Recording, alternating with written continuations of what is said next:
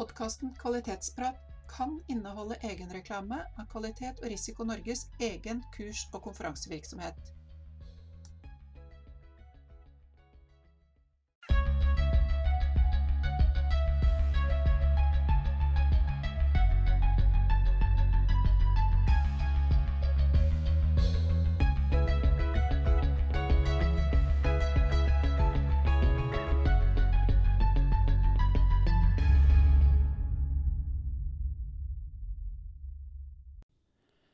Velkommen tilbake til Kvalitetsprat. Her sitter Sissel Storås. Og Siri Mathisen. Yes. Og temaet i dag eh, er sammenfallende med leksjon én i kvalitetsskolen, som vi hadde sånn innledningsvis snakket litt om eh, i forrige episode. Og leksjon én handler om langsiktighet. Hva betyr det, Siri? Langsiktighet, ja. Jeg tenker at eh, Poenget er vel at en virksomhet skal tenke at de har tenkt å leve lenge. Hette Stormberg har satt et 100-årsperspektiv i hvert fall på sin virksomhet. Så vi skal da i hvert fall eksistere i 100 år. Ja. Og det må jo være litt langsiktighet. Og hvordan skal man klare å eksistere i over 100 år, da? Mm. Ja, det Da tenker jeg at da må man jo klare å følge med, da. Man må jo følge med i tiden. Eh, man må jo være en virksomhet som er tidsriktig relatert til den verden man lever i. Ja, verden forandrer seg jo stadig vekk. Det har vi jo merka mye, i hvert fall i vår generasjon. Så det skjer veldig mye. Så det er jo en utfordring å henge med i svingene, da. Det må jo være det. Litt større virksomheter som har funnet sin nisje, og så skjer det et eller annet, og så forsvinner nisjen. Da Ouch. Ouch! Ja. Vi har sett noen eksempler på det. da. Eh, ta kanskje noen av de mest kjente, sånn som eh, Kodak, som eh, ikke klarte å følge med på at man snudde om fra film til digital film. Ja. Den er jo klassisk, et Kodak moment, men uh, Ja. det er den, det virkelig store klassiske. Det er andre eksempler. Ja, vi har jo Nokia som uh, Altså, jeg hadde jo Nokia-telefon. Hadde du òg? Ja, jeg Ja. hadde flere. Du hadde flere.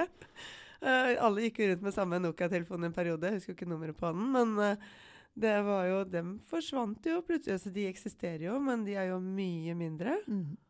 Ja, de, de ligger i sånn binge på Elkjøp nå, disse Nokia-telefonene. ikke sant? Men hva med bedrifter som har klart seg? Har du noen eksempler på det, Sissel? Ja, det finnes jo altså, I samme bransjen har jeg nær sagt, så har du Apple, eh, som stadig vekk kommer med nye produkter og, og nye nyvinninger. eh, Nye ja, innovative ideer. Altså Apple som i utgangspunktet var et PC-selskap eller et dataselskap, eh, som plutselig begynte å produsere musikkspillere og mobiltelefoner og ja, alt mulig som vi i dag kjenner eh, under Apple eh, ja, skal vi si, Apple-paraplyen. Det er jo et, eh, et av de andre klassiske eksemplene. Så i, I Norge, norsk virksomhet, så kanskje jeg vil trekke frem noe så kjedelig som Skatteetaten. Sissel, da. Ja. Skatteetaten. Ja, men hvorfor Skatteetaten, da? Jo, altså de eh, Det er ikke så veldig mange år siden så var dette med, med å fylle inn selvangivelsen et uh, vanvittig prosjekt som man brukte omtrent halve januar på. Uh, det var papirer og man måtte samle på og, og Jeg tror kanskje jeg fortsatt har noen permer da, med gamle lister, kontoutskrifter og, og alt dette her. Og nå skjer rett og slett alt nesten automatisk. Sånn automagisk. Automagisk, ja. Automagisk. De har jo gjort en, en vanvittig innsats for å, å tilpasse seg tiden, tilpasse seg trendene, bli heldigitale. Eh, noe som er ganske unikt, vil jeg tror si. Eller jeg vet ikke om det er unikt. Jeg syns det er fantastisk da, at en statlig virksomhet som, som dette her egentlig er, har, har klart å, å revolusjonere eh, hverdagen til eh, det norske folk.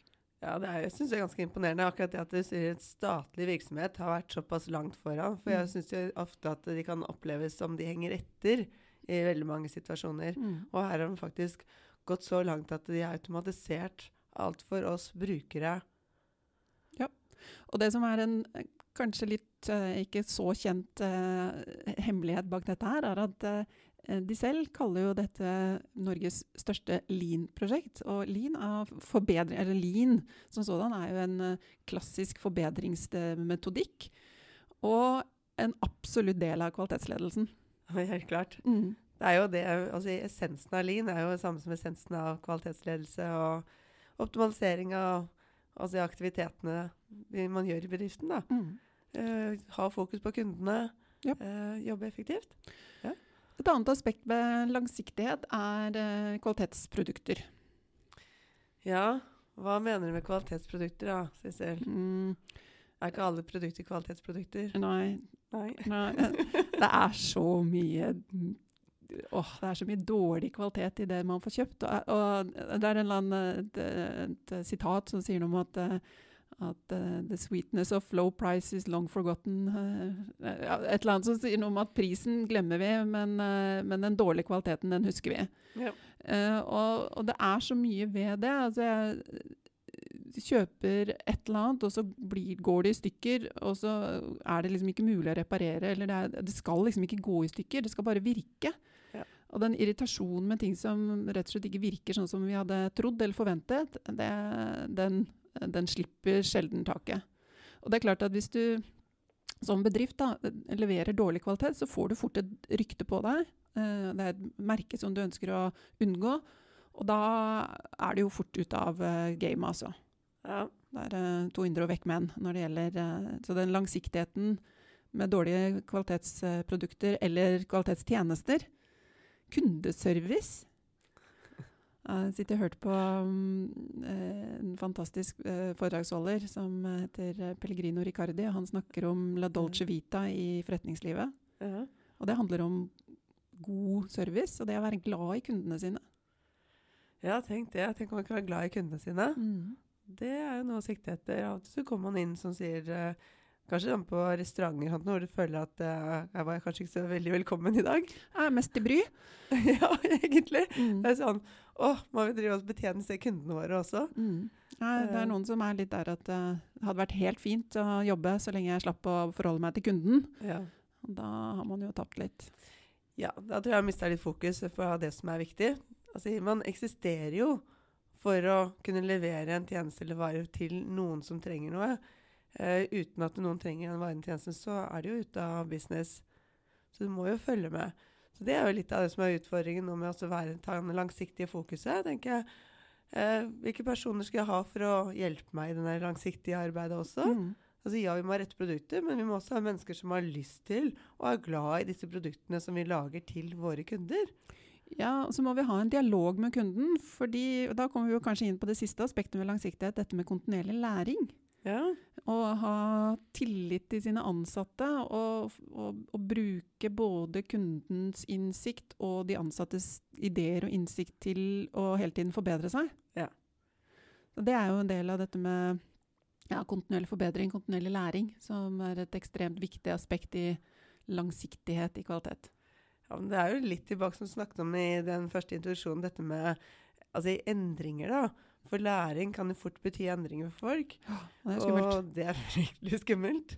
Så, så det å være ha altså, Snakke om læring og utvikling som en naturlig del, og jobbe med det som en helt naturlig del i virksomheten. At det er ikke en 'nå skal vi gjøre endringen', Mm. men at det er litt av hverdagen. At man hele tiden lytter til kunder, lytter til sine ansatte, tar inn ideer.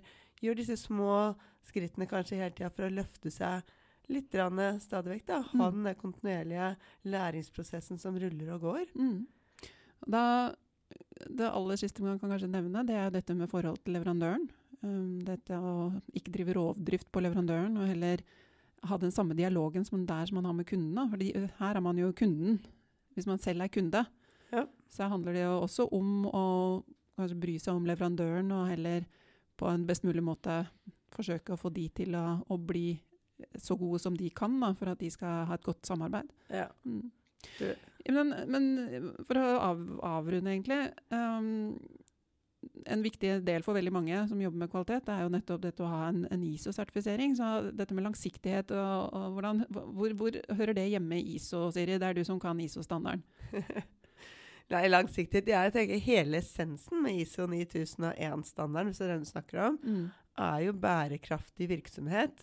Og for meg så betyr en bærekraftig virksomhet en som har det langsiktige fokuset.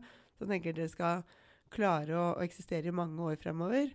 Og da har den to elementer i seg som jeg har som fokus. da. Det er jo ene er kundetilfredsheten, som er sånn som vi snakket om nå, at man må hele tida tenke på kundene, være til for kundene og betjene kundene på en god måte.